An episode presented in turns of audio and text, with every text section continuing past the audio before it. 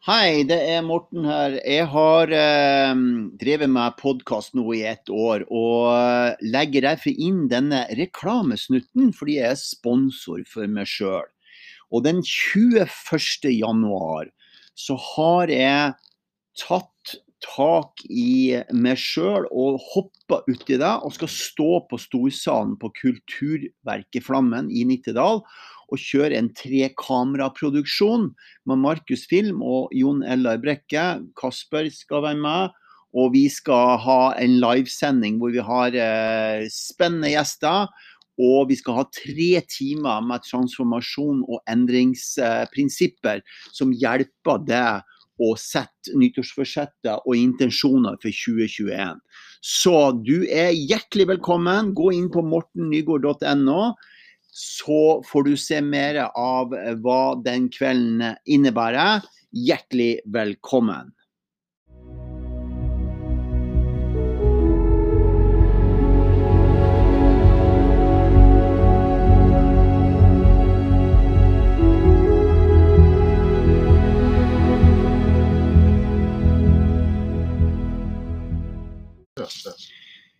OK, men da skal vi altså eh, lage en ny podkast, og jeg gleder meg veldig til det her.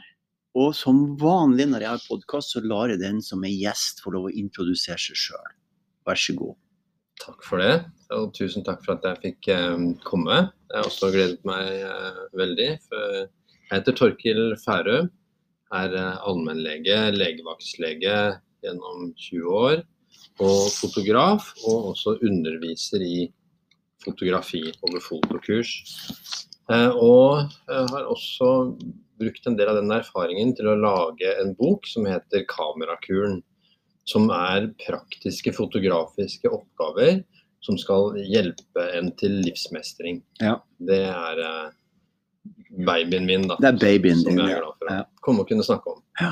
Og så skal vi, Jeg skal komme tilbake til boka, for jeg har lest den. er helt fantastisk. Den er jo ja, hva Altså, den er så mange gode råd, og den er så bevisstgjørende at den er ikke bare å sette seg ned og tygge igjennom på eh, to-tre kvelder. Det kan man godt gjøre, men, men, det er altså så mye bevisstgjøring. Og podkasten her handler jo om å være bevisst. Mm. Så den boka den anbefaler jeg på det sterkeste. Den har så mye. Den skal vi komme litt tilbake til, om boka di. For først så må vi jo finne ut hvem denne karen er. For nå har jo jeg lest boka di, og jeg blir jo det, side opp og side ned med alt som du har vært med på. Ja, vært Altså, jeg, jeg, jeg, tror nok at jeg som lite barn, det tror jeg, tror jeg var type sånn 11-12 år, eh, så skjønte jeg at eh, livet er eh, kort. Her er det bare å sette i gang. Det er allerede dårlig tid. på en måte. Det er en, en stor verden det er mange ting å se og utforske og oppdage. Og, og da gjelder det å kutte ut ofte ting som eh, ikke gir meg noe. Eh, og bruke tiden bevisst mm. på det som gir meg verdi. Da. Ja. Men hvis vi tar litt sånn stegvis. Eh, du ble mobba, jeg, jeg, jeg er fascinert. Og du hadde en par år hvor du ble mobba på skolen. Ja, ordentlig, ordentlig mobba. Ja. ja. ordentlig slitsomt eh, nok eh, var det. Eh, og det førte nok også til at jeg vendte blikket utover. Ja. For det var nok ikke bare at jeg ble mobba, men jeg var jo ikke god i noen ting. Ikke sant? Altså hadde på en måte ikke noe Jeg var god på skolen, men det var jo ikke akkurat noe status på en måte i, ja. i gjengen. Så jeg var dårlig i idrett. Alt jeg prøvde på å mislykke seg i, om det var å spille et instrument eller idrett eller på en måte det som telte. Ja. Eh, sånn at jeg, da vendte jeg nok blikket utover mot den spennende verden. Ja. Og, og, der skjønte jeg at her, det ville være en utømmelig kilde. Så hvordan jeg hadde det, betydde ikke så mye. Eh, så jeg så litt bort fra det. Ja. ikke sant? For det var jo ikke så mye å, å, å se på. på det. Um, og, og, så at verden er en utømmelig kilde av spennende steder og folk og, og, og lærdom. Ja. Uh, og, brukte tiden på det, da. Men, og så, så, gikk du på skoler, så, altså vanlig skole, og så, så, tok du legeutdannelse. Ja. ja. Så, men så så reiser du Nei, skal vi se. Du har Du tar på deg å være tolk Mm. på portugisisk Ja, for han Morten Krogvold. Ja. Det er da du treffer kona di. da treffer jeg kona mi. Ja, ja. Ja. Så, så livet er jo fullt av, av, en blanding av tilfeldigheter og å legge opp til at de tilfeldighetene kan skje. Ja.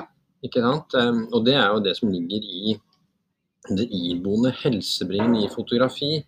Det at du skjønner etter hvert som du jobber med å ta bilder, at du må legge opp til at tilfeldighetene kan skje, sånn at når de oppstår, så griper du dem. Ja. Eh, og og jeg, jeg kunne jo portugisisk. Jeg hadde jo lært meg spansk. Jeg reiste rundt i Sør-Amerika et år, lærte meg spansk og portugisisk. Ja. Og, og når jeg hørte at det var en, mulig å kunne være tolk for Morten i Portugal, og jeg var jo student og hadde ikke penger til å dra på kurset, Ja. og dermed kunne jeg bli med, så sa jeg jo ja, selvfølgelig, før jeg egentlig kunne det godt nok til å være tolk. Ja. Så, så, jo- så du begynte med fotografi, den fotografidelen, altså, altså den interessen for fotografi, var, den begynte du med å være veldig ung. Ja, ja, den interessen for fotografi hadde jeg nok fra helt til jeg var et lite, lite barn. Ja. Eh, Fordi at jeg husker jeg satt og så på sånne bilder fra andre verdenskrig.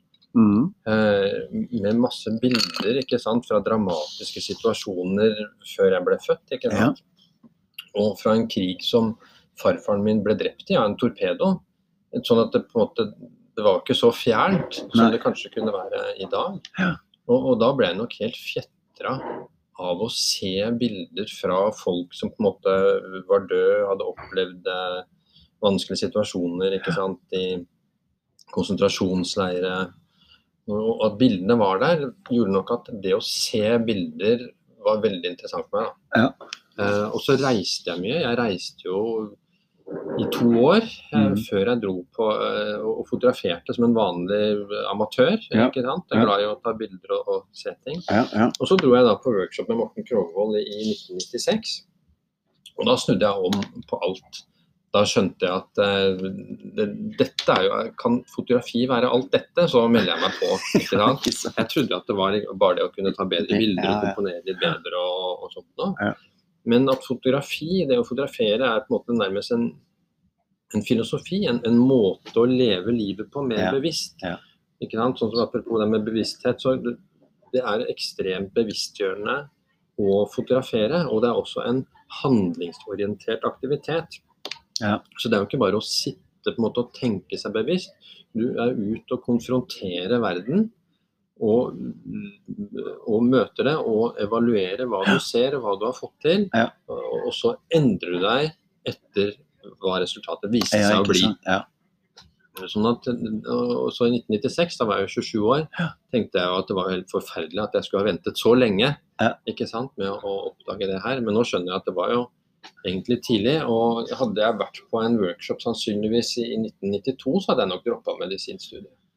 Eh, men det tror jeg nok ikke hadde vært lurt. Så tok Sånn du medisinstudiet. Så jeg, jeg, jeg dro på fotokurs, fotograferte, reiste rundt omkring og studerte medisin. Men så, den- men så traff du henne, kona di, Ja. og så fikk dere fire barn. Mhm. Nei, To, To, unnskyld. Ja. Unnskyld, unnskyld, unnskyld. Eh, og så dro dere på seiltur. Ja. ja, for drømmen min det hadde vært å seile jorda rundt og reise jorda rundt. Ja. Eh, Og det tenkte jeg det er jo en fin ting å gjøre sammen med hele familien. Da tar du på en måte med deg hjemme, og så viser man barna verden og, og, og lever sammen og oppdager verden sammen. Ja. Ehm, så, sånn at um, det føltes veldig naturlig å, å gjøre. da. Ja, ja. Mm. Så- Hvor lenge var dere på seiltur? Vi hadde jo, jeg hadde jo aldri seilt. Jeg hadde jo seilt en uke. Jeg kunne jo ikke seile når vi kjøpte båten. Nei. Eh, Sånn at det, det var også det interessant det å, å, starte med noe helt fra scratch uten at Ja. du kan noen ting om det. Ja, for du er litt sånn som hopper ut i ting og prøver Ja. nye ting. Ja, ja fordi at idet jeg kan noe og behersker noe, så har jeg på en måte fått maks ut av det. Da er du ferdig da, eller? Nei, men da, da er det ikke så mye å hente på videre opplevelser innen akkurat det samme. For jeg ønsket jo, på en måte når jeg var liten, da, som jeg nevnte 11-12 år, Ja. Så ønsket jeg jo helst å leve liksom 100 liv. At jeg kunne leve et helt liv som fotballspiller, et helt liv som, musiker. altså, eh, og, og, og den eneste måten jeg klarte å, å finne en løsning på det, var å, å få mest mulig liv inn i ett. Ja. Sånn at det betyr at jeg har på en måte hatt et liv som seiler. Da har et liv som seiler. Men, men hvor lenge var dere seilte? Ja, vi er fortsatt ute og seiler. Vi skulle egentlig vært og seilt vi i sommer. Båten ligger på Tahiti. Og vi skulle egentlig seilt videre til Tonga, da, men så kom jo denne koronaen, da. Så du seiler verden rundt over lang tid? Vi tid. holder på ennå. Ja. Hvor, hvor gamle er barna nå, da? Ja, Nå er de 13 og 15.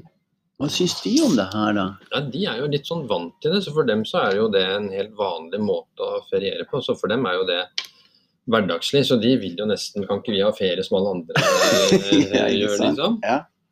Bare være hjemme og, og sånt noe. Så Ja. de tar det jo litt som en selvfølge. Men har nok også det har nok også gjort dem veldig bevisst på at verden er stor. De har ikke bare sett det på TV, de har vært blant indianere i, i Panama, de har vært i jungelen, de har bada med krokodiller, de har vært på Galapagos og sett dyrelivet der. Ja, ja, ja, så de, men som, som barn så tar du jo som en selvfølge det som er rundt deg. Det gjorde jeg også som barn. ikke sant? På, på Rykken. At det var en sånn nærmest sånn fluenes herre-tilværelse. da, På et ganske røft sted. ikke sant? Og det var jo en hverdag, det. At, at det, var, det var skummelt på en måte, rundt en del ting. Det var en del folk du måtte holde deg unna og du måtte passe deg for. Men, men, men Eh, hva, hva tror du som gjør at du er sånn som du er? Mm. Ja, det, det er jo en blanding av masse um, opplevelser og nok en veldig nysgjerrighet. Jeg har jo tatt en sånn, sånn Big Five-test, Oh, ja. og jeg ser at jeg er veldig lav på nevrotisisme. Ja. Så at jeg er veldig lite redd for ting. Ja. Eh, og så er jeg veldig åpen for nye opplevelser. Så, så det slår ut på den testen. Og det er nok noe som preger meg, at jeg kanskje nesten har en for liten angst for eventyrlige ting. Og at dette kan gå dårlig. Ja. Eh, ikke sant? Så at jeg, jeg er ikke noe redd for f.eks. pensjonspoeng. Jeg er ikke noe redd for Jeg så jo første gangen, eller når jeg reiste jorda rundt, så møtte jeg folk som levde av alt mulig rart. Sånn at jeg var aldri redd for å miste jobben eller ikke få det til. Jeg har aldri hatt fast jobb. Jeg har jobbet som lege rundt hele landet. Eh, Jeg kom akkurat nå tilbake fra fire ukers døgnkontinuerlig vakt på Vestlandet. Og jeg har aldri brydd meg om å ha fast jobb, for at eh, noe av det jeg så første gangen jeg reiste jorda rundt, var at du kan få til alt. Altså Hvis alt skulle gå gærent, så kan jeg faktisk gjøre dette her. Jeg kan faktisk plukke frukt og, og, og, og harve poteter i Australia. Så nedsiden er ikke der. Det er ikke nedside i Nei. Nei. Jeg kunne, jeg kunne bare ha vandret jeg, med en, en, en sekk på ryggen.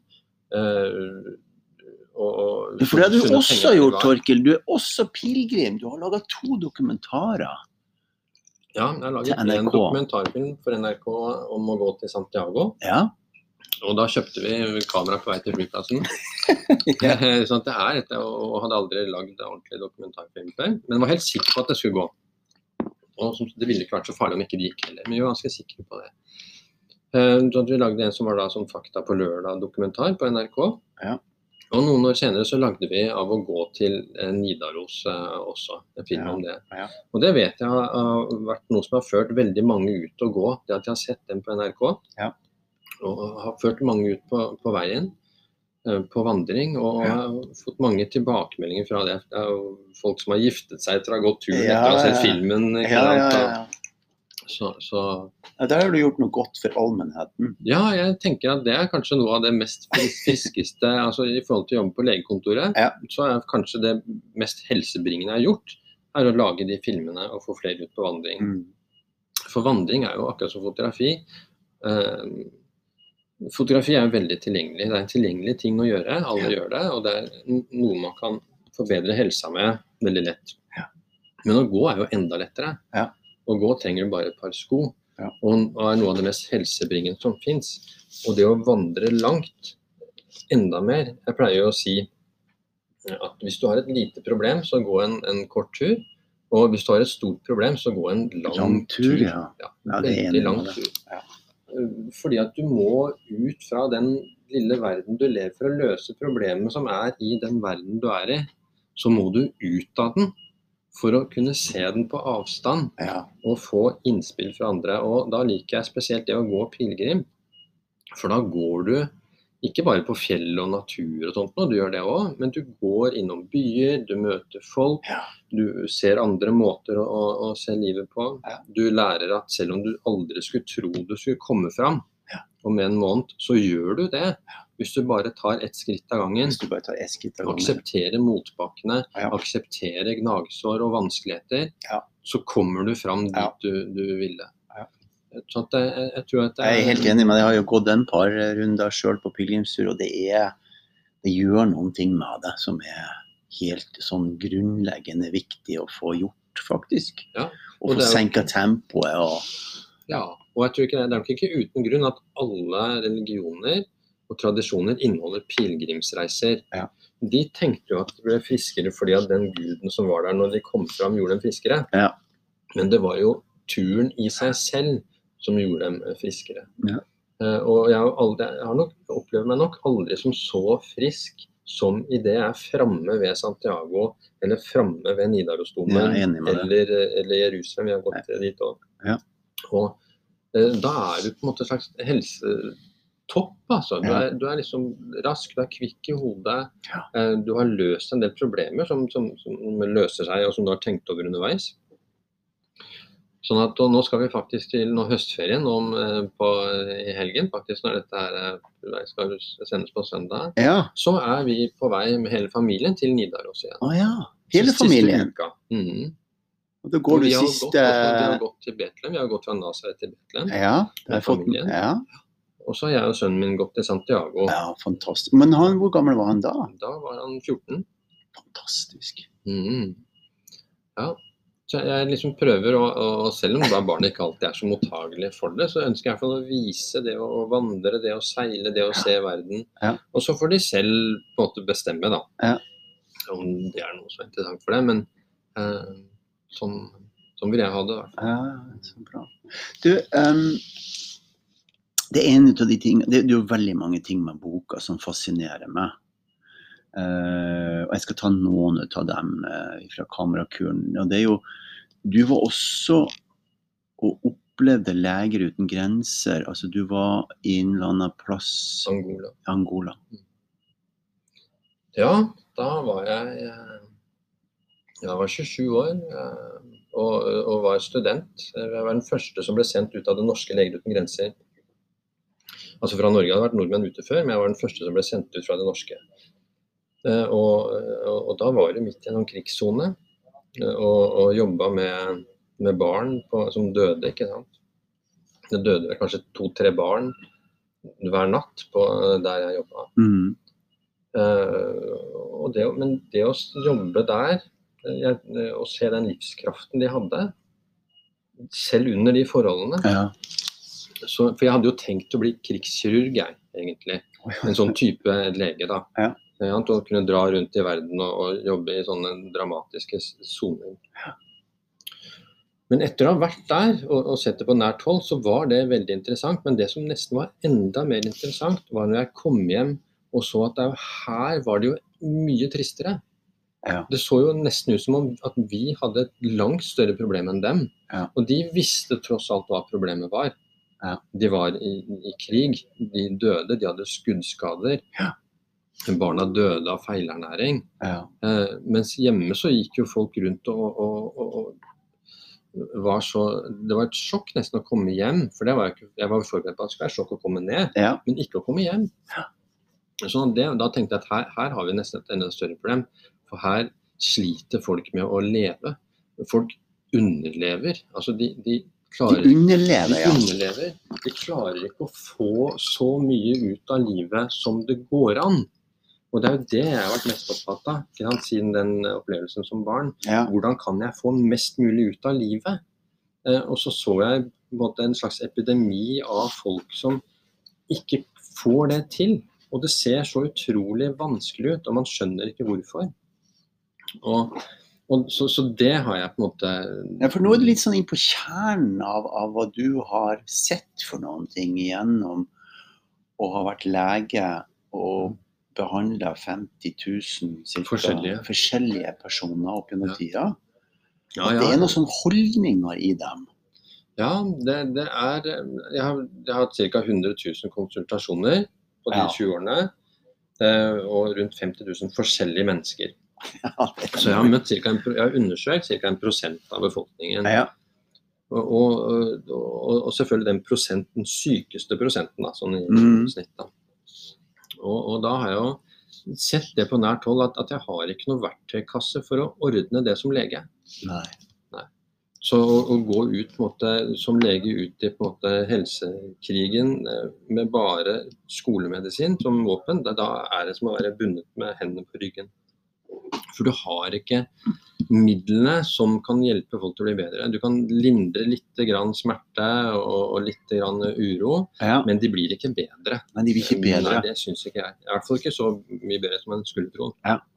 Og det som jeg da opplevde på fotokurs, er at den aktiviteten i seg selv Ja. har gjort folk bedre. Ja.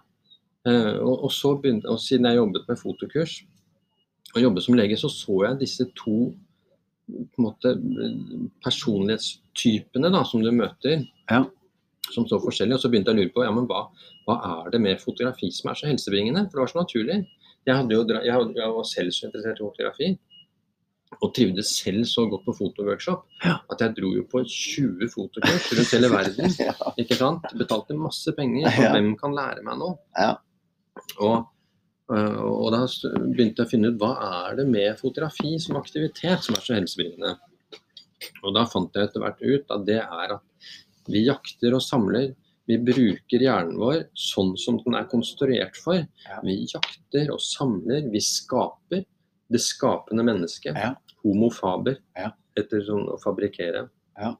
Sånn at vi er laget for å skape, og vi er laget for å gjøre det sammen. Ja.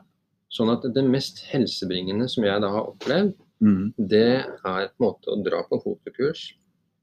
Dra ut og jakte og samle. Av og til få det til, av og til ikke få det til. Ja. Av og til se andre få det bedre. Ja. Lære av dem.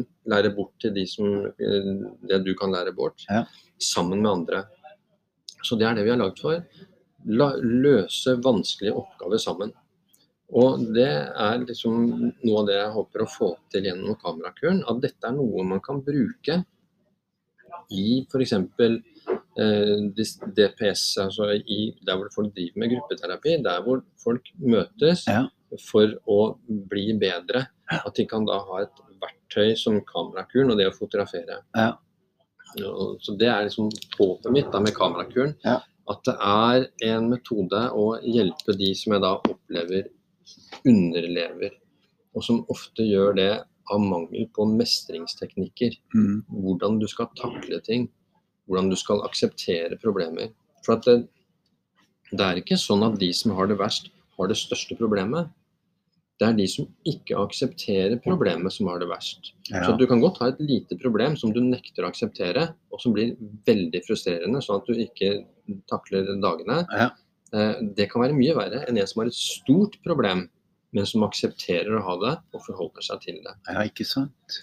Og det er noe av det innebygde i fotografi. At du, du, du drar ut og fotograferer, og du aksepterer de forholdene som er der Ja. den dagen. Og de kreftene du har denne dagen, Ja. de må du forholde deg til og akseptere. Ja. Det er f.eks. en av oppgavene i kamerakuren. da. Ikke sant at du ja, lærer å akseptere. Akseptere. Aksept Mm. er helt grunnleggende for å ha det bra. Da. Sånn at jeg, jeg kunne Du nevnte mobbeepisoden. Jeg kunne blitt bitter for det. Ja. Følt meg traumatisert. Ja. Ikke sant? Og, og, og, men, men jeg valgte å akseptere det. Ja. Måte, ok, det er sånn det er. Jeg får gjøre det best mulig ut av det. Det tar sikkert slutt en dag. Ja. Eh, og i mellomtiden så, får jeg, så kan jeg se fotballkamper, jeg. Så, så har du møtt uh, veldig mange. Jeg skal bare ta påfølgende på den her. Det kom opp i eh, minnet mitt nå fra boka di. Mm. Fordi at du, du sier at du kan, du kan Intuisjonen din er altså blitt så forsterka gjennom så mange pasienter altså gjennom så mange år at du kan nærmest se dem med en gang. Ja, Så kommer en, en pasient inn til det, så, så, så, så merker du det. eh, Ja, det er, det, intuisjonen vokser jo med erfaring. Så det er Mm. klart at når jeg var ferdig lege, og hadde sikkert sett noen pasienter på studiet og kunne mest teorien, Ja, ikke sant? så, så visste jeg jo ikke hvor Jeg hadde jo ikke sett så mange. Og etter hvert så måtte jeg jo kikke journalen, jeg måtte undersøke dem, Ja. ta blodtrykket for å se hvor syk er du, på en måte. Ja. Eh, og e- etter hvert så, som du har sett tusener på tusener av pasienter, da. De første 10 000 pasientene er de Mm. vanskeligste. Mm. ikke sant? For da, da er du ikke så god ennå. Og etter 20 000 pasienter er det kanskje litt bedre. Ja. Men etter 30 og 40 og 50 000 pasienter, så ser du nesten på blikket, holdningen, ja, ikke sant. hudfargen, Ja. pusten, inntrykket Mm. tar du nesten inn med en gang. Og, og, og hvor dårlig det er, om, om det ikke er dårlig. Ikke sant? Så ofte Pempel, du undersøker et barn, du ser allerede at det ikke er dårlig. Men du er nødt til å undersøke det, for ellers blir mor For mor er dårlig. Ja, ellers blir, ellers blir de sure. Så du må lytte på dem, og, og sånt, og selv om du i prinsippet Ja. kunne sagt at du, dette går bra. Ja. Ikke sant? Det, Det er dette, ikke noe- går, dette går fint. Ja. Men du er forventet da å undersøke. Og, og, og, og dette med at du, du visste f.eks. ikke at det kan være vanskelig å, å, for folk å høre hva du sier, for at de er så det, det er så intenst, så du må gjenta hva du skal konkludere med tre ganger. Ja. For hvis du bare sier det én gang, konklusjonen, så kommer de kanskje tilbake uka etter og sier at ja, men du sa hadde lungebetennelse. Nei, nei, jeg sa ikke det. Jeg, jeg, jeg sa at det, det kan være det. En av mulighetene er det. Og så har de for eksempel tatt det til seg. Så etter hvert så sier jeg alltid konklusjonen, gjentar den tre ganger. Ikke på en sånn kunstig måte, men, men jeg sikrer meg at jeg har sagt hva som nå kommer til å skje, tre ganger Ja, før det. pasienten forlater. Ja. Og da blir de mm, gladere. Og det er også eh, Jeg har jo et lytteyrke. sant. Jobben min er jo å lytte. Ja. Eh, og, og det fant jeg ut at det, det var viktigere å lytte enn å gjøre noe. Ja. Så at ofte så, så følte jo pasientene at når jeg da kom med løsninger på problemet De kommer med et problem. Og så vet jeg løsningen, ikke sant. Og så kommer jeg med den. Um, og så sa de kanskje at "Men du tar meg ikke på alvor. Ja, ikke sant. Men det var det jeg gjorde. Jeg tok dem jo kjempe på alvor. Jeg ga jo dem det samme rådet som jeg ville gitt meg selv. Ja. Etter hvert så vente jeg meg til at den, den kategorien pasienter, som jeg da så etter hvert med en gang, Ja. kunne jeg bare lytte til. Og så lyttet og lyttet og lyttet uten å komme med en løsning. Ja. Da sa de nå tok de meg på alvor. Ja. Når jeg ikke gjorde det. Ja. Ikke sant? For ofte med de pasientene ble de bare sure når jeg kom med løsning. Ja. Det er lett for deg å si, sa de. Ja. Det, er, det er lettere sagt enn gjort. Og det satte meg ut til å begynne med, for jeg hadde jo aldri tenkt at det er et argument. Ja. Hvis noe var lett å gjøre, så ville hvorfor i verden skulle jeg gjøre det da? Hvis det var lett, liksom. Da, da kunne jeg fått det til, og så, så, så, så. Ja. Sånn at det, det tok meg lang tid å skjønne at de som sliter med å akseptere vanskeligheter, og syns at et problem er et problem, Ja. de, de har det mye vanskeligere. Ja. Og det var utrolig vanskelig for meg å nå gjennom på som lege, men det håper jeg å nå gjennom gjennom kamerakuren. Ja. For at kamerakuren er 55 oppgaver som er små, håndterbare vanskeligheter som du venner deg til en gradvis større vanskelighetsgrad.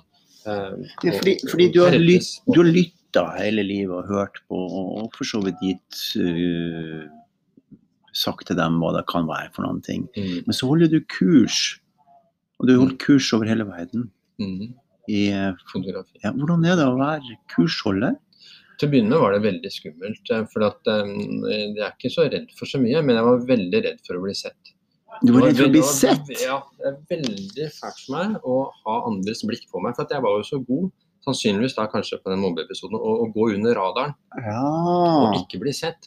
For at jo mer ble jeg sett, jo, jo mer ble jeg jo sikkert eh, banka. Så jeg var, jeg var nok god til å holde meg under radaren og Ja. observere og ta inn inntrykk.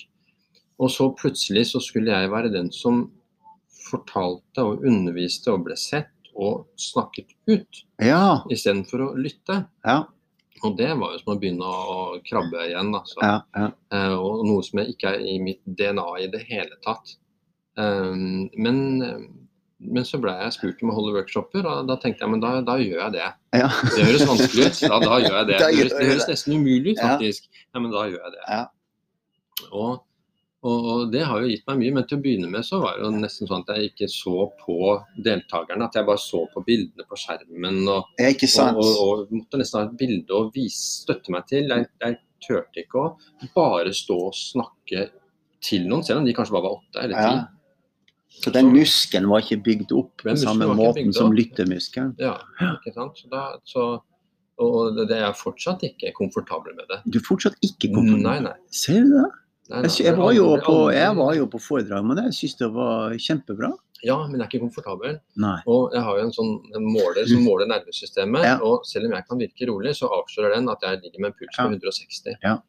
Og, og, og, og ser, ser Jarle har Ja, måler som måler Jarle Holt som har HRV, en som sånn måler ja. nervesystemet. Ja. Det som jeg er utrolig opptatt av. Det at Ja. det kanskje er det viktigste målet som vi leger kan måle, er den HRV-tallet. Som Ja. måler om du er i stressmodus eller restitusjonsmodus. Ja. Som, og, og, og selv om jeg kan lure meg selv til å si at dette går fint, så avslører den at eh, her Og det tror jeg er med det grunnleggende nervesystemet. Du kommer aldri til å klare det. Da skal du forholde deg der litt, Torkild. Skal vi ta det opp? For når vi snakker, Eller du, vil jeg si. Har snakka som du har alltid, men Det er kjempespennende. Vi skal høre om deg. Og så skal vi høre om noen ting som jeg er veldig veldig fascinert over, som du kan en del om, mye om, som du skriver om i boka. Og det er hvordan hormonene påvirker oss når vi stresser eller når vi er lykkelige. Så det kommer vi snart tilbake til.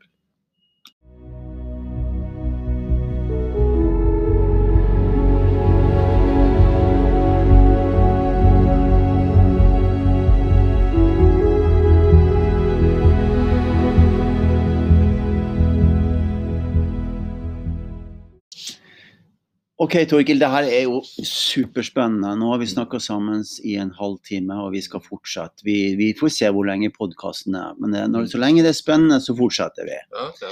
Men du er inne på dette med måling. Mm. Og så snakker vi litt om dette her med hvordan det her påvirker med hormonene. Og det er noe som du skriver om i boka di, Mm. i starten av boka, som jeg er veldig fascinert over. Mm. Um, og jeg vet jo sjøl at jeg har Jeg har jo et sånn nordnorsk lynne som, som jeg jobber mye med meditasjon og gjør mange øvelser for å være balansert. Og så er jeg heller ikke redd. Jeg gjenkjenner det som du har i det, med å gå på. F.eks. med å skrive. Jeg kunne ikke skrive, jeg skrev bøker. Mm. Jeg leste om det som kunne egentlig heller ikke skrive, men så begynte du å skrive i en alder av 45. begynte du å Mm. å ta tak i tingene. Men hvis vi begynner med den her med Du måler altså stressnivået ditt. Ja. Det er også en sånn fin ting som er kommet ut av kamerakuren, for jeg var på en messe. Mm. Og så hadde jeg akkurat da lest om denne verdien av å måle HRV, som er heart rate variability. Ja. Hvor mye hjerterytmen endrer seg med pusten, Mm. rett og slett. Og det er et mål som viser om du er i stressmodus eller avslappet modus, restitusjonsmodus. Og, og dette er en da, da kom det en fyr bort til meg, og vi begynte å prate. Og da fant jeg ut at det som jeg er på jakt etter, er, ligger i dette målet her, Ja. som måler dette. Og som måler og jeg tror nok at det, for at det er kun i restitusjonsmodus at kroppens måte, immunforsvar og restitusjon kommer seg, Ja. og hvile. Eh, og det gjør vi for lite, og jeg også. Ja. Eh, så jeg trodde jo Vi lærte på doktorskolen da, Ja. at sympatikus, Ja. stressystemet, er bare fight og flight. Og ettersom jeg aldri var redd, på en måte, eh, hvis jeg da ikke skal holde foredrag, så tenkte jeg at her er jo jeg kontinuerlig restitusjonsmodus. ja. Alle sier jo til meg at du er jo så avslappet og sånt nå. Men så så jeg på målene at jeg jo alltid jeg var alltid rød, da, som er i stressmodus. Nesten alltid. Og det er fordi jeg var fokusert. Ja. Sånn at det er ikke bare stressreaksjon som er sympatikus, men også aktivering, observasjon, oppmerksomhet. Ja. Og når du går og er litt på hele dagen, ja. så kommer du ikke nok inn i det liksom såkalt grønne moduset, restitusjonsmodus, hvor kroppen restituerer seg. Ja. Så, så den driver jeg og følger med på hele tiden. Så Ja. Da er man liksom sitt eget dataspill eh, nærmest. Ja. Og, og, og, etter dette her så kan jeg måle hvor mye dette stresser meg, og ikke minst hvor raskt kommer jeg over i restitusjonsmodus etterpå. Og hva påvirker eh, Hva er det som gjør at du kommer i restitusjonsmodus? Hva gjør Det- du da? Det mest effektive faste faktisk er å ikke spise. Sier du faste. Når jeg faster, når jeg dropper frokoster, jeg spiser ikke før eh, lunsj, da er jeg grønn helt fram til lunsj. Fascinerende. Ja, fordi at, og, det tredde jeg først når jeg da skulle se målet, tenkte jeg at nå, det er jo litt smertefullt å faste her. Du er Ja. sulten, du, du, du, det er et visst ubehag. Så tenkte jeg nå går jeg i, i rødt da, åpenbart. Og så så jeg jøss, dag etter dag, her, her, det, dette kan ikke være feil. Her ser jeg at jeg ligger i grønt. De tingene som vanligvis ville stresset meg, stresser meg ikke så lenge jeg ikke har spist. Og det er også en annen ting med religioner. ikke sant? Alle inneholder faste. Alle inneholder faste. Ja. Og man skulle tro at til og med, Særlig på den tiden, man skulle tro at det kanskje var litt mindre mat å få tak i. Ja. Så skulle de i hvert fall ikke faste og passe Ja. på at de fikk all maten Ja. de trengte. Eh, men det er i hvert fall noe som får meg i grønt. Ja. er Tydelig. Søvn, god søvn og pusteteknikker. Å puste rolig, puste ca. seks ganger i minuttet, det roer ned Ah, så du følger med på det? Ja, og det bruker jeg også før hvis jeg skal holde foredrag eller et eller annet som jeg er- spent på. Ja. Så puster jeg sånn kanskje ett eller to minutter, og da roer hele nervesystemet seg. Ikke såpass at jeg går i grønt, Nei, men, men du Men at det- at jeg på kommer mål. ned på Ja. et nivå. For det som er problemet når det er veldig stressa, Ja. er at det blir mindre blod til prefrontal cortex, altså bevisstheten. Det er derfor at folk driver og skyter hverandre i politisituasjoner. ikke sant? For at de blir så stressa. Det blir mindre blod til den tenkende hjernebarken, Ja. og det grunnleggende systemet tar over. Ja. Sånn at det gjelder å få stressnivået i slike situasjoner ned. Da. Ja. Og det er bruker, er inne jo, Forsvaret bruker det også. Ja, så du er inne på hormonene her. Altså, så adrenalinet kommer Mm, når du blir stressa, mm. og så på en måte kortslutta deg hjernen, eller Ja, ja adrenalin er, er jo lagd for situasjoner hvor du bare må måte, komme deg bort eller slåss. Ja. Og, og jo mer du tenker, jo mer større sjanse for at du tidligere tider at du ble spist. Ja, ikke Ikke sant? sant? Du, du måtte bare reagere. Og, og Derfor driver det amerikanske forsvaret med pusteteknikker eh, for eh, kritiske situasjoner. Ja. Sånn at eh, når de står rett foran et slag, så Ja. puster de seg ned for å ha hodet klarere. Ja. Så dette er ikke bare noe for sånne pustedamer med yogavatter og sånt. Ja. Dette er for hardcore eh, militært, Ja. som har funnet ut at vi, vi klarer oss bedre hvis vi klarer i hodet. Hvis vi klarer hodet, Som også amerikanske politiet sannsynligvis kunne hatt eh, godt av. Jeg har en veldig god venn som er i Boston, som har vært uh, psykolog, psykoterapeut i en mannsalder og har veldig mange klienter hver eneste dag. Han sier at det er så viktig at du puster og tar det med ro, for du er rett og slett dum når denne adrenalin skyter opp i deg. Og så kommer denne andre som du snakker om, så kommer dette reparasjons- det stresshormonet som heter kortisol, som reparerer. Mm. er kortisol, eh, kortisol demper immunforsvaret. Demper immunforsvaret. Ja, det- sånn er det. ja. Ja. Sånn at eh, du, og Det bruker vi også som medisin, kortisol, for å dempe immunreaksjoner og allergier og slike ting. Ja. Men kortisol holder immunforsvaret nede, for at nå i denne dramatiske situasjonen så skal det ikke brukes eh, energi på immunforsvaret ditt. Det er ekstremt kostbart å holde immunforsvaret. Det lages nye celler, lever kanskje bare to til fire dager. Ja. Eh, og det lages jo milliarder av dem hele Ja. tiden. Og er jo selvfølgelig en svært kostbar prosess for kroppen. Ja. Sånn at akkurat i den stressituasjonen så setter den ned eh, immunforsvaret. Så du ønsker å ha så lite kortisol som, eh, som mulig. Da. Eh, og, og det kortisolet kommer når du er stressa. Og det kommer også når folk går rundt og er halvstressa hele tiden. Ja, det er som interessant. For folk går, går rundt og kommer seg aldri ned på, på null. Um, Så de går rundt og er urolig, litt, Ja. litt urolig, eller? litt, litt urolig hele tiden, og da Ja. kommer det ikke grønt. Uh, på min måler, da. Ja.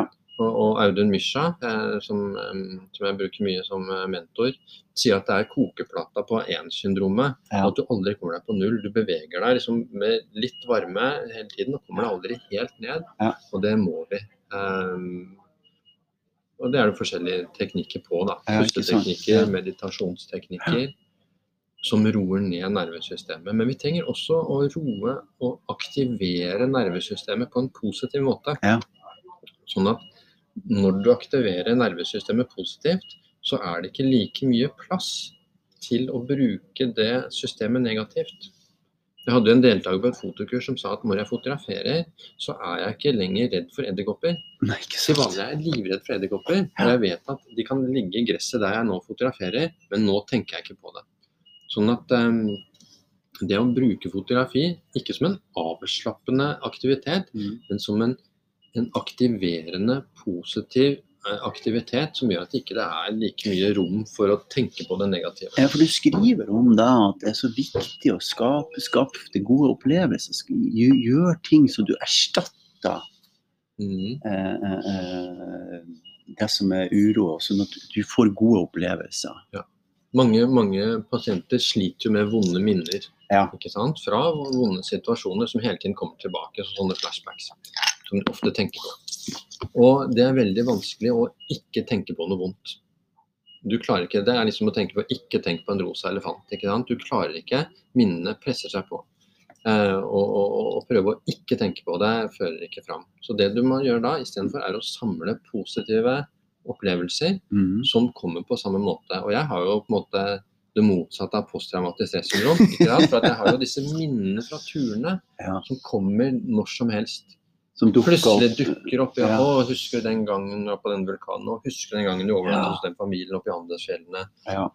Og den gangen vi så den, de, de dyrene på Galapagos. Det dukker opp når som helst som en slags motsatt posttraumatisk stressyndrom. Da. Og i fotografi så husker du ofte de situasjonene. Sånn at det å fotografere ting du er interessert i, Mm. kan sørge for en sånn bank av positive opplevelser som kan ta gradvis en del av plassen til de vonde opplevelsene. Bygge gode minner. Ja.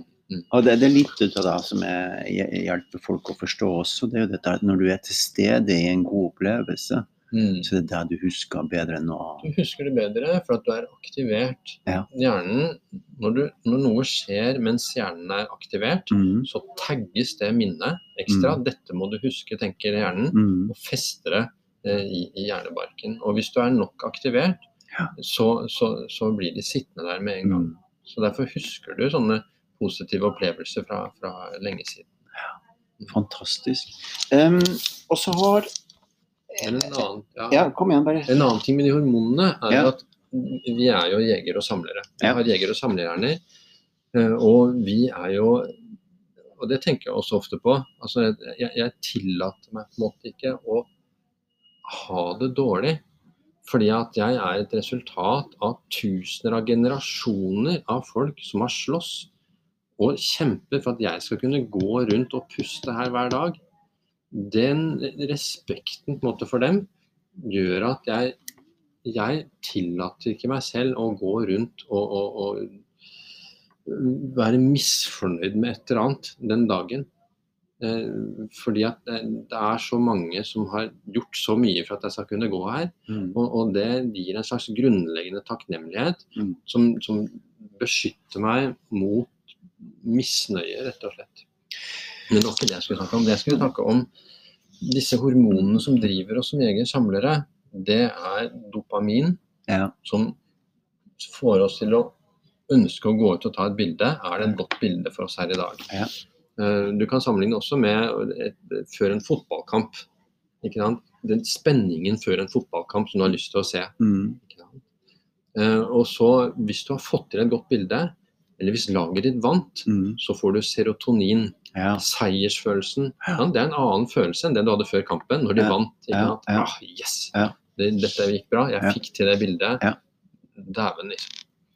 Og så har du også oksytocin. Så når vi deler den opplevelsen, så kommer bindingshormonene oksytocin sammen. kjærlighetshormon, som det kalles. Ja. Så når vi deler bilder, viser det til andre, på. Facebook også kanskje, eh, så, så utløses oksytocin. Akkurat som når du ser en fotballkamp sammen. Med andre, ikke sant? Når du taper, når du har tatt et dårlig bilde, underprestert, laget ditt har tapt, da kommer kortisol. ja. Og den kortisolen er jo smertefull, for den er laget for at du skal gå ut igjen med dopamin for å prøve å få det til denne gangen. ja. Og denne runddansen her er vi lagd for. Vi er konstruert for å være i en sånn prosess hvor disse hormonene kan skylle fram og tilbake. For at de, de varer jo ikke lenge. Hvor lenge gleder du deg over en seier i fotball? Du har glemt det dagen etter. Ikke sant? Om ikke, ikke lenge før. Tapet sitter litt lenger Ja, inn, ja, ja. Går på igjen.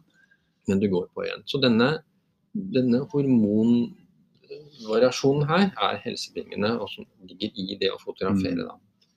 Spennende. Du, eh, du har ikke alltid vært Nei, skal vi se. Du har alltid vært positiv.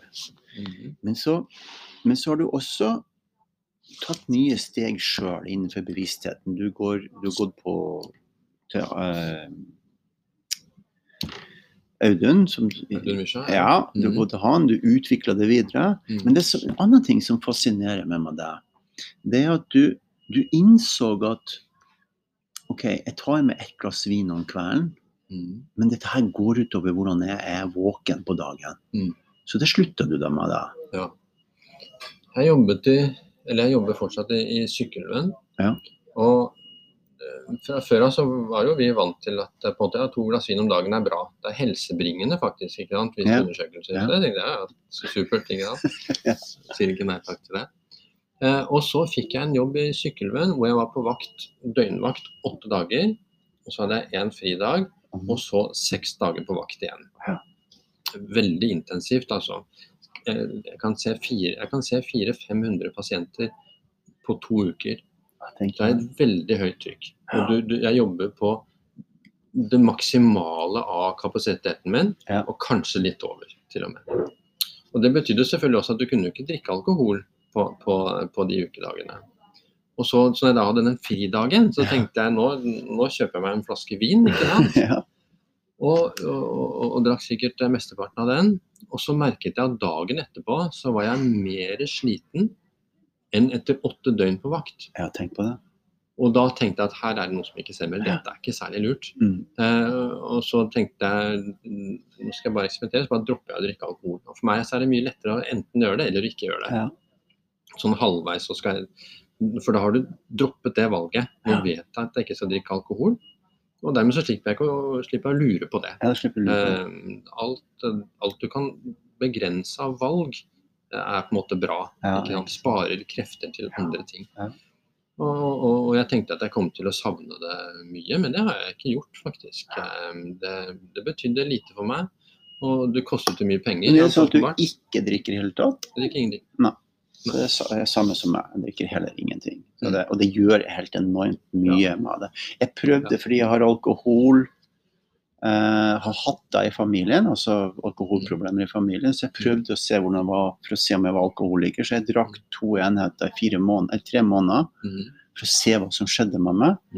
Og det var et utrolig interessant eksperiment. For det var et sånt sug som kom om kvelden. Jeg gledde meg Ja, til å ta det vinglasset. ja.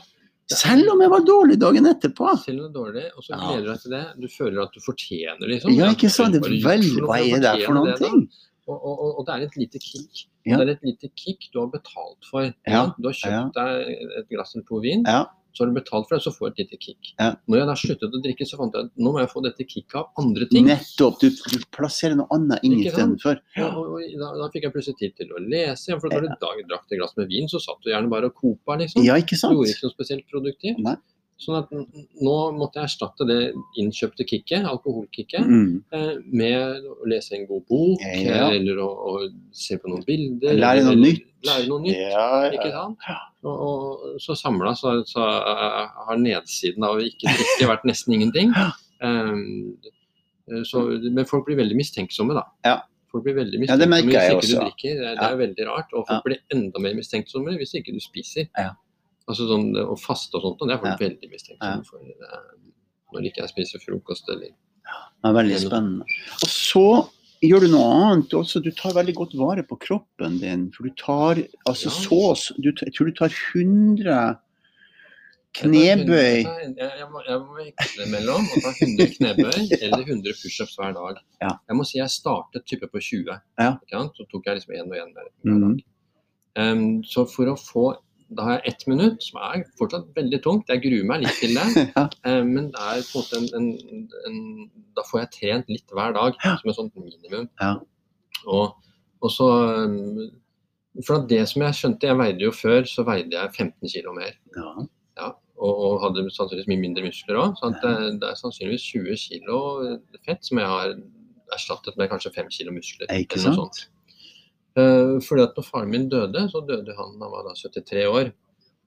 Og da kunne jeg, raskt regne meg til at hvis jeg fortsatte å være såpass overvektig som dette, og trene så lite som jeg gjorde nå, Mm. så har jeg nå kanskje 25 år igjen. Mm. Da får ikke jeg gjort det jeg skal. Nei, Så her har jeg ikke noe annet valg enn å hive meg rundt, gå ned i vekt, eh, bygge opp eh, kapasitet Mm. rent fysisk.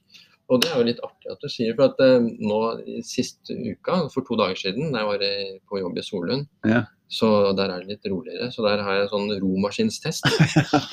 Og der fant jeg ut at jeg har en biologisk alder på 28 år. Ja, det er jo fantastisk. Så jeg sa til kona at jeg er yngre biologisk nå enn da vi traff hverandre Ja, ikke sant. for sant. 20 år siden. Men du, eh, eh, du nevnte det her med faren din, for han eh, betydde veldig mye for deg. Han var Mm. lærer og hjalp, eh, eller var lærer for masse, masse barn. Mm. Um, hva, slags forhold hadde du til faren din? Jeg hadde nok et veldig godt forhold til faren min. Han var jo, som du sier, lærer og hjalp barn. Altså, vi, vi bodde på Rykkinn, som var et Texas-område med store problemer. Og det som han brukte tiden på, var å, å få disse her som slet mest, altså sikkert alle ville vært ADHD, Mhm. eh, trøbbelbarn, på en måte. Hjalp dem til å kanskje istedenfor å være på skolen, få Ja. jobbet en dag i uka. Ja. Og, og de var jo inn og ut av hjemmet vårt, han var støttekontakt for mange av de. Mm. Ehm, sånn at, eh, og, og han hadde alltid en sånn ro og alltid en fokus på dette med å, å, å, hjelpe de, da. Og, og hadde jo det som han et lærerkall, da. Et lærerkall, ja. kall, ja. Ehm, som han jobbet med hele, hele livet. Han jobbet jo helt til det siste. Sånn at eh, Og betydde nok eh, og veldig sånn stabiliserende faktor. For jeg hadde jo, selv om jeg vokste opp måte, i, i, et veldig urolig område, så hadde jeg veldig stabile foreldre. Ja, det har vært veldig sånn bra. At, eh, ja. Sånn at eh, de skapte nok en sånn trygghetsramme rundt som gjorde at jeg kunne være mer utforskende. Da. Du, um, vi nærmer oss ja, Vi har holdt på i 50 minutter. Fantastisk. Utrolig spennende. Hvis barna denne skulle beskrive deg, Torkil? Barna mine skulle beskrive meg Nei, De ville nok eh, kalt meg litt eh, rotete. Um, de ville nok hatt et positivt inntrykk av at jeg, er, at jeg er der når jeg er der. Jeg er jo bortreist um, tre måneder i året, akkurat som jeg skulle vært i Nordsjøturnus. Da jobber jeg et annet sted. Så du ville nok eh, sett positivt på meg, i hvert fall. Mhm. Jeg har ikke tenkt så mye over akkurat det, det spørsmålet der. Jeg har nesten eh, spurt dem har nesten spurt dem, ja. Ja. Så spennende. At det er det jeg opplever nok, at jeg er trygg. ikke sant? Altså, jeg er jo kapteinen kaptein på båten i dårlig vær og, og, Ja, for det er inntrykket jeg har av det, at du tar deg med på reiser og utforsker verden, og du er ufattelig positiv. Mhm. Altså, det er jo så hyggelig å ha kontakt med deg. Ja, ja. Det er jo helt eh, Jeg gikk, skulle gå vinterpilegrimstur og jeg traff deg via han Øyvind Arneberg, som er forleggeren din. Mm. eh, som er felles bekjent av oss. Og så, og så, spør jeg om eh, litt råd og hjelp, da, fordi du har gått på pilegrimsturer. Mm. Og så er det så hyggelig. Så mottakelig. Så, så alt når du får en SMS eller du får et eller annet fra det, så er det alltid veldig positivt. Altså, det er en enormt fantastisk fin egenskap. ja, tusen takk for det. Å være Det sånn. Ja. Jeg tenker jo på en måte at eh, nå er jo ikke jeg så Altså jeg er jo egentlig sånn som er lite uttrykksfull. Ikke sant? Sånn at ingen ba altså Jeg husker på skolen så er det nesten ingen som husket meg igjen. Og folk husker meg dårlig igjen, for at jeg, jeg var mer sånn som gikk under radaren. Yeah. Eh, sånn at eh, det er veldig mange som Jeg jeg er alltid overrasket over at folk husker meg igjen. At, at jeg har gjort et lite inntrykk i det hele tatt, Ja. eh, er jeg alltid sånn, litt sånn overrasket over. Så jeg er veldig glad for at du, at du sier det. Men det er noe positivt også, det jeg sa i stad. Altså, hver dag du får gå rundt på jorda, er, er en glede. ikke sant? Det, Men jeg det liker er- den det- Og det, og det er det som er så trist å Ja, se på pasienter. Ja. At det er så mange som ikke ser det sånn. Ja. Det er så unødvendig å gå rundt misfornøyd Mm. og bitter år etter år. Og da er det så frustrerende å sitte der at altså, hver dag er jo, er jo en gave. Jeg husker at jeg, jeg var på sykehus, jeg var innlagt eh, med, med, med tarmslyng. Eh, og så husker jeg lå der, og det var så svinevondt. På 50 dager, og så tenkte jeg at en dag ikke sant, etter jeg dør, så kommer jeg til å til og med ville ha dette øyeblikket Ja. tilbake. Det aller verste. En dag til og med dette øyeblikket vil jeg betale for å få tilbake. Istedenfor å dø, ja. Istedenfor å dø. Ja. Sånn, Helt, helt klart, altså. så, så, ja. så det er jo det er, Jeg ser nok eh, veldig positivt på ting, ja. Men så, så har du en sånn kombinasjon, fordi du er veldig flink å sette mål. Altså, du hadde Mm. jo en den boka, kamerakuren i magen din. Satte Mhm. det målet, jeg skal skrive en bestselger. Mm. En gang så skal jeg gjøre det. Og Det Som var- barn, ja. ja. Ja, som barn. ja. Så tenkte jeg det. Jeg Så tenkte du det. Og det har jo blitt en kjempesuksess. Ja, ja. Nå kom koronaen, så bremsa en del opp, da. Som Ja. det har gjort for sikkert alle Ja, det har det gjort for alle. Ikke sant? Masse foredrag avlyst. Vi, vi fikk jo fem fotoworkshoper avlyst. Og, og sikkert en seks, sju, åtte foredrag avlyst. Ja. Og, så det stoppa mye opp. Men istedenfor dro jeg og jobbet. Jeg jobba i Finnmark jeg, som, som lege. da. Så at jeg, de, de eh, fot, den tiden jeg ville vært på fotokurs, kunne jeg da istedenfor jobbe legevakt i. Finnmark, som jeg alltid har hatt lyst til. Ja, ja, ja. Eh, og jeg kunne jobbe ute, jeg jobber jo i Solund, der familien min fra gammelt av kommer fra. Ja. Noe som er utrolig flott. Ja. Sånn at eh, jeg har jo fått eh, erstattet det, da. Men eh, det, det er nok tungt å komme i, gang igjen nå etterpå og, og begynne å jobbe med boka. For det er jo babyen din, ikke sant. ja. ja. Det er jo noe du har brukt mye tid på. Jeg brukte ja. tre år på å skrive den. ja, ikke. Og, og prøve å, å samle da den kunnskapen jeg har, Mm. til noe som kan brukes.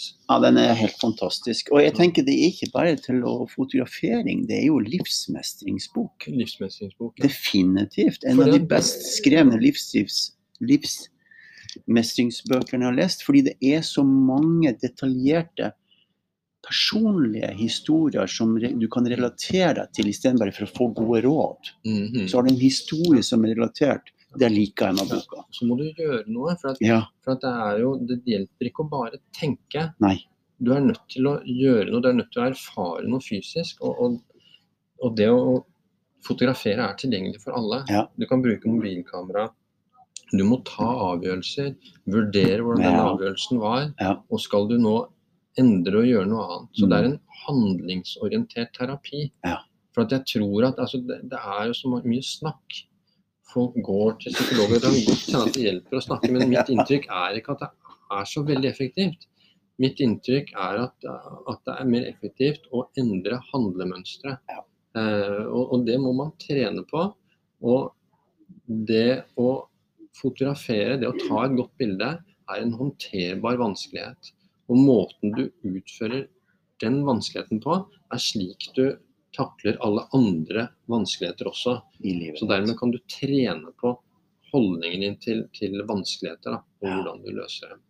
Så, så, og det, jeg tror ikke at det finnes noen andre bøker som er akkurat akkurat Ja, den er sånn. veldig handlingsorientert. Den er, Mm. jeg er også blitt inspirert til å, å begynne å ta mer bilder. Mhm. Og Altså, rette, rette kameraet utover mot Ja. det som er der. Ja, Ikke sant? For det er også noe med det at, at det er så lett å la tankene være der det du mangler. ja, Men når du fotograferer, så retter du oppmerksomheten mot noe som fins, noe som er der, noe som du setter pris på. Ja. Og du retter blikket ut Mm. fra deg selv. Ja. Eh, og, og, og Som jeg der- mener er like viktig som all meditasjonsform, bevissthetsgjøring, på å rette blikket innover. Det er så viktig også å rette ut. Ja, ja, begge deler. Ja. Ikke sant? Så, så nei, jeg håper at boka kan være til nytte for, og særlig til nytte for de som jobber med folk som sliter, slik at de har et verktøy de kan bruke. Da. Mm.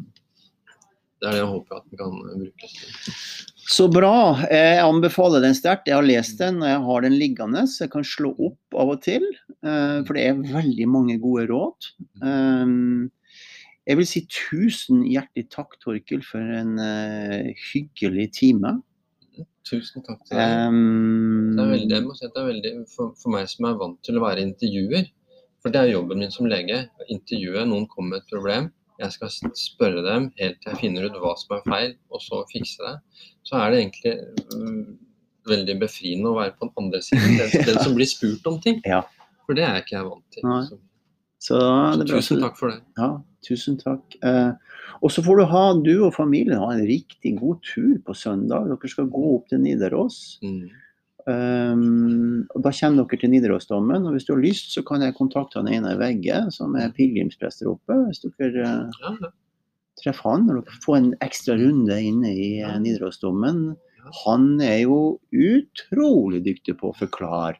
Liturgien. Det vil være artig både for deg og kona di og ungene å høre på. Så det skal jeg organisere. ja, ja, så hyggelig. Satser på at du klarer å komme oss fram. Ja, det er bra. Tusen takk. Mhm.